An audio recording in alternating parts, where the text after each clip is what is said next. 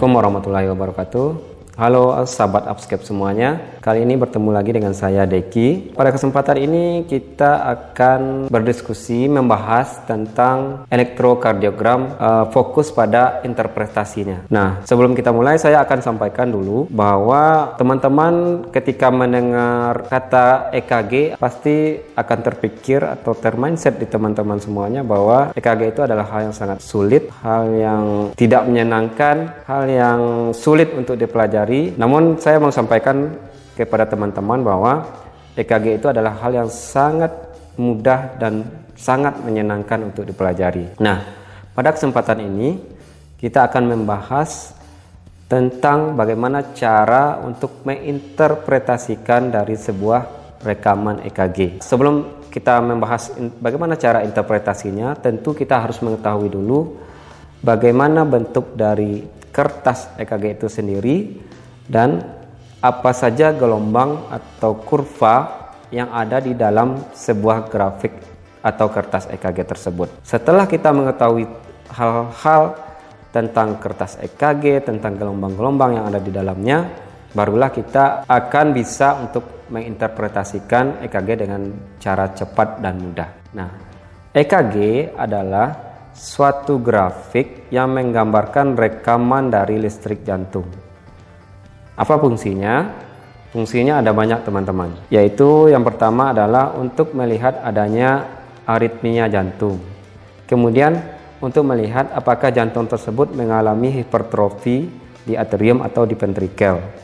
Kemudian untuk melihat juga apakah ada iskemik atau infark di otot-otot jantung atau infark miokard. Kemudian untuk melihat efek obat-obat seperti obat-obat yang berkaitan dengan obat-obat jantung seperti obat digitalis, obat anti aritmia dan lain sebagainya. Kemudian EKG ini bisa juga melihat dari adanya gangguan dari keseimbangan elektrolit terutama untuk melihat gangguan kalium. Kemudian yang terakhir bagi pasien yang terpasang alat pacu jantung atau pacemaker dari rekaman EKG ini bisa juga dilihat fungsi dari pacemaker tersebut apakah masih baik atau tidak. Nah, seperti yang saya sampaikan tadi, kita harus tahu dulu nih bagaimana bentuk dari kertas EKG. Nah, hasil rekaman EKG itu biasanya kita kenal dengan rekaman EKG 12 lead. Nah, untuk menginterpretasikan EKG biasanya kita harus melihat EKG lead 2 panjang Kenapa lead 2 panjang? Karena lead 2 panjang ini adalah EKG yang paling ideal untuk kita melihat atau menginterpretasikan dari sebuah rekaman EKG. Nah, sebelum beranjak ke situ, kita lihat dulu apa saja yang harus kita ketahui dari kertas EKG. Di dalam kertas EKG tersebut, kita mengenal namanya kotak kecil dan kotak besar. Nah, apa itu kotak kecil dan kotak besar? Di dalam grafik atau kertas EKG ini, kita melihat ada kotak yang digaris agak tebal berisi kotak-kotak kecil. Nah, kotak yang digaris tebal inilah yang disebut dengan kotak besar. Kemudian kotak yang di dalam kotak garis tebal yang terdiri dari lima kotak itulah yang disebut dengan kotak kecil. Nah, kita ambil dari satu kotak besar ini kita lihat apa maksud dari masing-masing kotak tersebut. Kita lihat di dalam kertas tersebut, di dalam kotak atau e, kertas EKG tersebut ada yang disebut dengan garis horizontal dan garis vertikal. Nah, kita lihat garis horizontal. Di sini bisa kita lihat garis hijau di satu kotak kecil. Ini menunjukkan waktu dari perekaman EKG. Nah, satu kotak kecil ini ukurannya itu 1 mm, itu setara dengan 0,04 detik waktunya. Kemudian karena satu kotak kecil itu terdiri dari lima kotak besar, maka 0,04 detik ini kita kalikan dengan 5 karena 5 kotak kecil berarti 0,20 detik waktu perekaman dari EKG ini untuk satu kotak besar atau garis horizontal satu kotak besar. Kemudian kita lihat garis vertikal. Di garis vertikal ini menggambarkan dari voltase atau listrik dari perekaman EKG. Nah, sama seperti garis horizontal tadi, satu kotak kecil dari garis vertikal ini nilainya adalah 0,1 mV. Sedangkan untuk satu kotak besar itu nilainya 0,5 mV.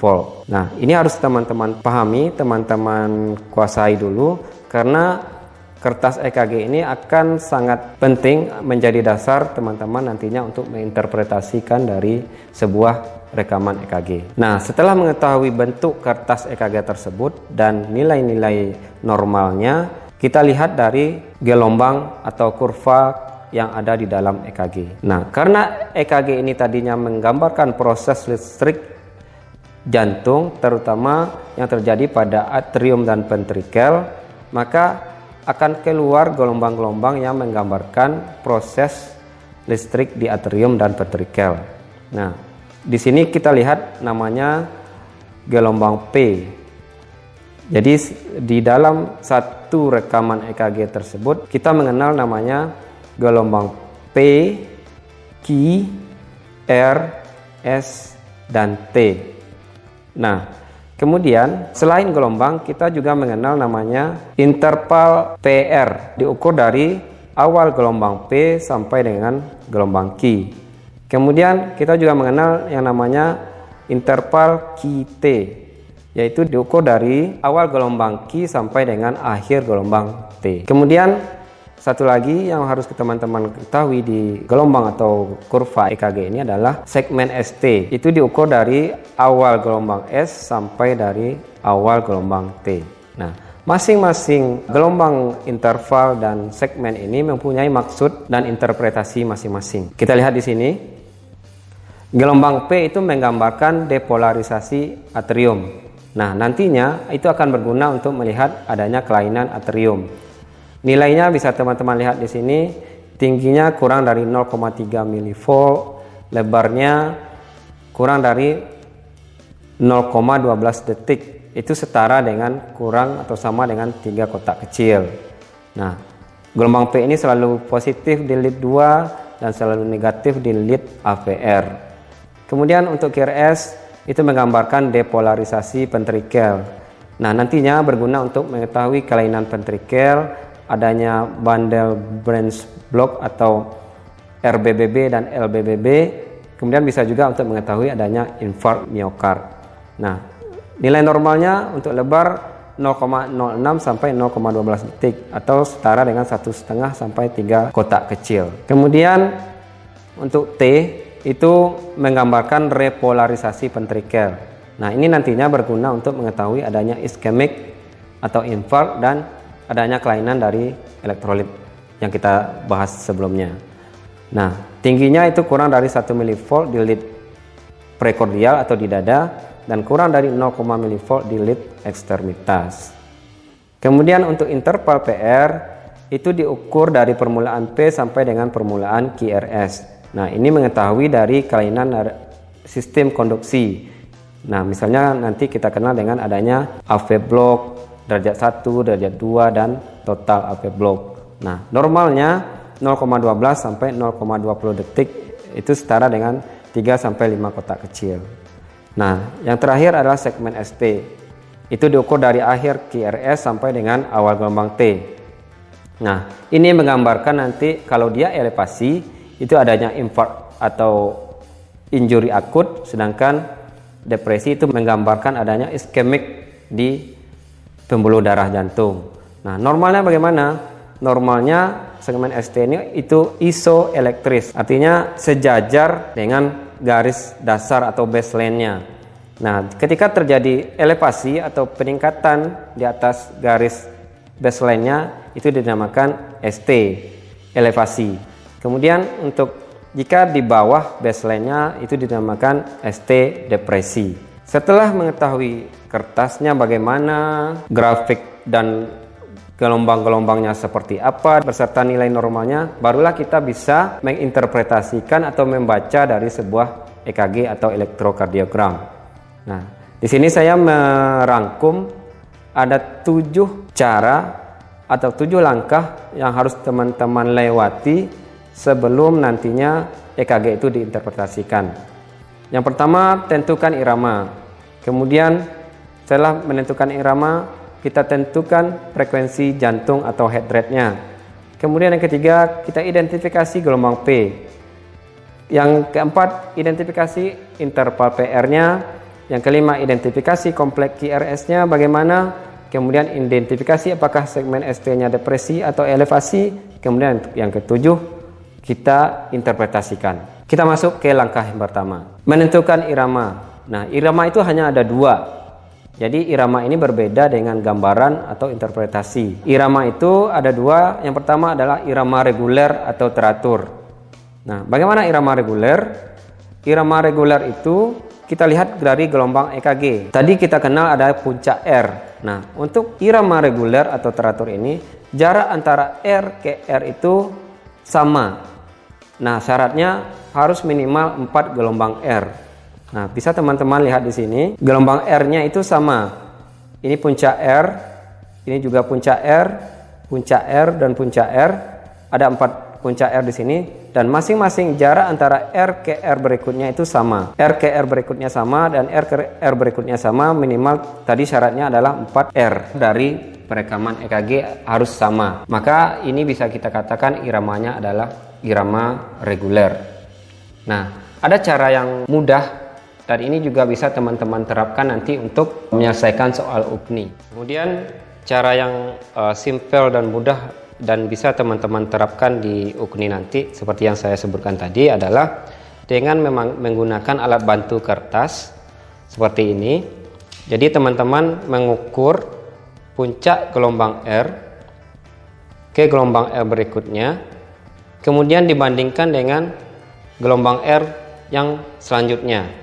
Nah, ketika gelombang R ke R yang awal teman-teman ukur itu sama, kemudian dibandingkan dengan R ke R berikutnya juga sama, kemudian dibandingkan R ke R berikutnya juga sama sampai dengan 4 gelombang R dan hasilnya juga sama, maka ini bisa disimpulkan adalah irama reguler. Jadi teman-teman nggak perlu ngitung jumlah kotak kecil dan kotak besar antara R ke R itu memakan waktu yang lama. Ini kan di lead 2. Teman-teman bisa bandingkan juga di lead berikutnya. Misalnya kita pakai lead 3. Nah, teman-teman bisa lihat di sini RKR berikutnya sama, RKR berikutnya sama, RKR berikutnya juga sama. Nah, bagaimana di lead prekordial? Misalnya kita coba ambil contoh di P3. Teman-teman juga bisa lihat sama, RKR sama, RKR sama. Nah, ini berarti bisa disimpulkan iramanya adalah irama reguler. Nah, tadi kita sudah selesai bagaimana menentukan irama reguler. Nah, sekarang untuk irama yang kedua adalah irama irregular atau tidak teratur. Nah, irama irregular atau irama tidak teratur ini itu adalah kebalikan dari irama reguler atau teratur. Nah, tadi syaratnya untuk irama reguler jarak R ke R itu harus sama. Nah, tentu untuk irama irregular jarak antara R ke R itu tidak sama. Nah, ketika satu saja irama antara R ke R itu tidak sama, maka teman-teman sudah bisa menyimpulkan bahwa ini adalah irama irregular. Setelah mengetahui irama itu reguler atau irregular, barulah kita bisa masuk ke langkah yang kedua untuk menginterpretasikan EKG yaitu adalah menghitung head rate atau frekuensi jantung. Frekuensi dari denyut jantung. Dasarnya tetap tadi di irama. Nah, untuk irama reguler itu mempunyai dua rumus menghitung head rate. Teman-teman bisa menggunakan kotak besar, bisa juga menggunakan kotak kecil. Nah, untuk kotak besar, teman-teman memakai rumus 300 dibagi dengan jumlah kotak besar antara R ke R. Nah, 300 ini adalah konstanta atau ketetapan. Kemudian dibagi dengan jumlah kotak besar yang ada antara R ke R. Kemudian cara yang kedua itu adalah 1500 dibagi dengan jumlah kotak kecil yang terdapat antara R ke R. Tapi saya sarankan di sini untuk lebih akuratnya teman-teman memang harus menggunakan rumus yang kedua ini 1500 dibagi jumlah kotak kecil antara R ke R. Misalnya kita lihat di EKG ini. Nah, kita coba hitung. Nah, tadi iramanya kan irama reguler.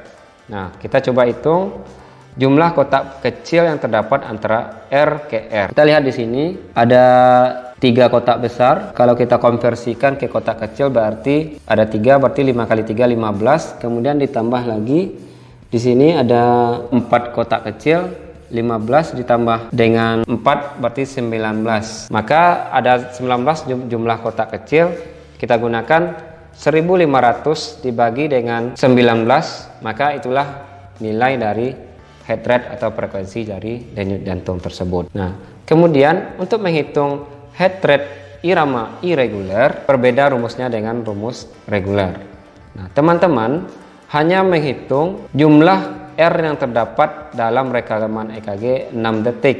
Nah, 6 detik itu setara dengan 30 kotak besar, teman-teman. Nah, jadi teman-teman lihat puncak R-nya di dalam 30 kotak besar rekaman EKG tersebut.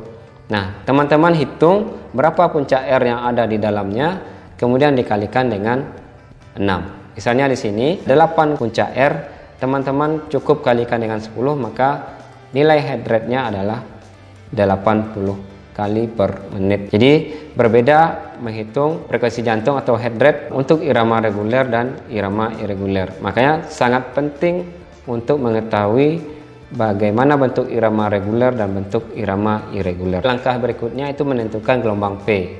Gelombang P ini menggambarkan adanya gangguan atrium. Teman-teman lihat apakah ada atau tidak, normal atau tidak. Nah, bentuk nilai normalnya tadi sudah kita bahas di awal Kemudian apakah di, diikuti dengan kompleks QRS atau tidak? Untuk irama sinus, kompleks QRS itu akan selalu diawali dengan gelombang P.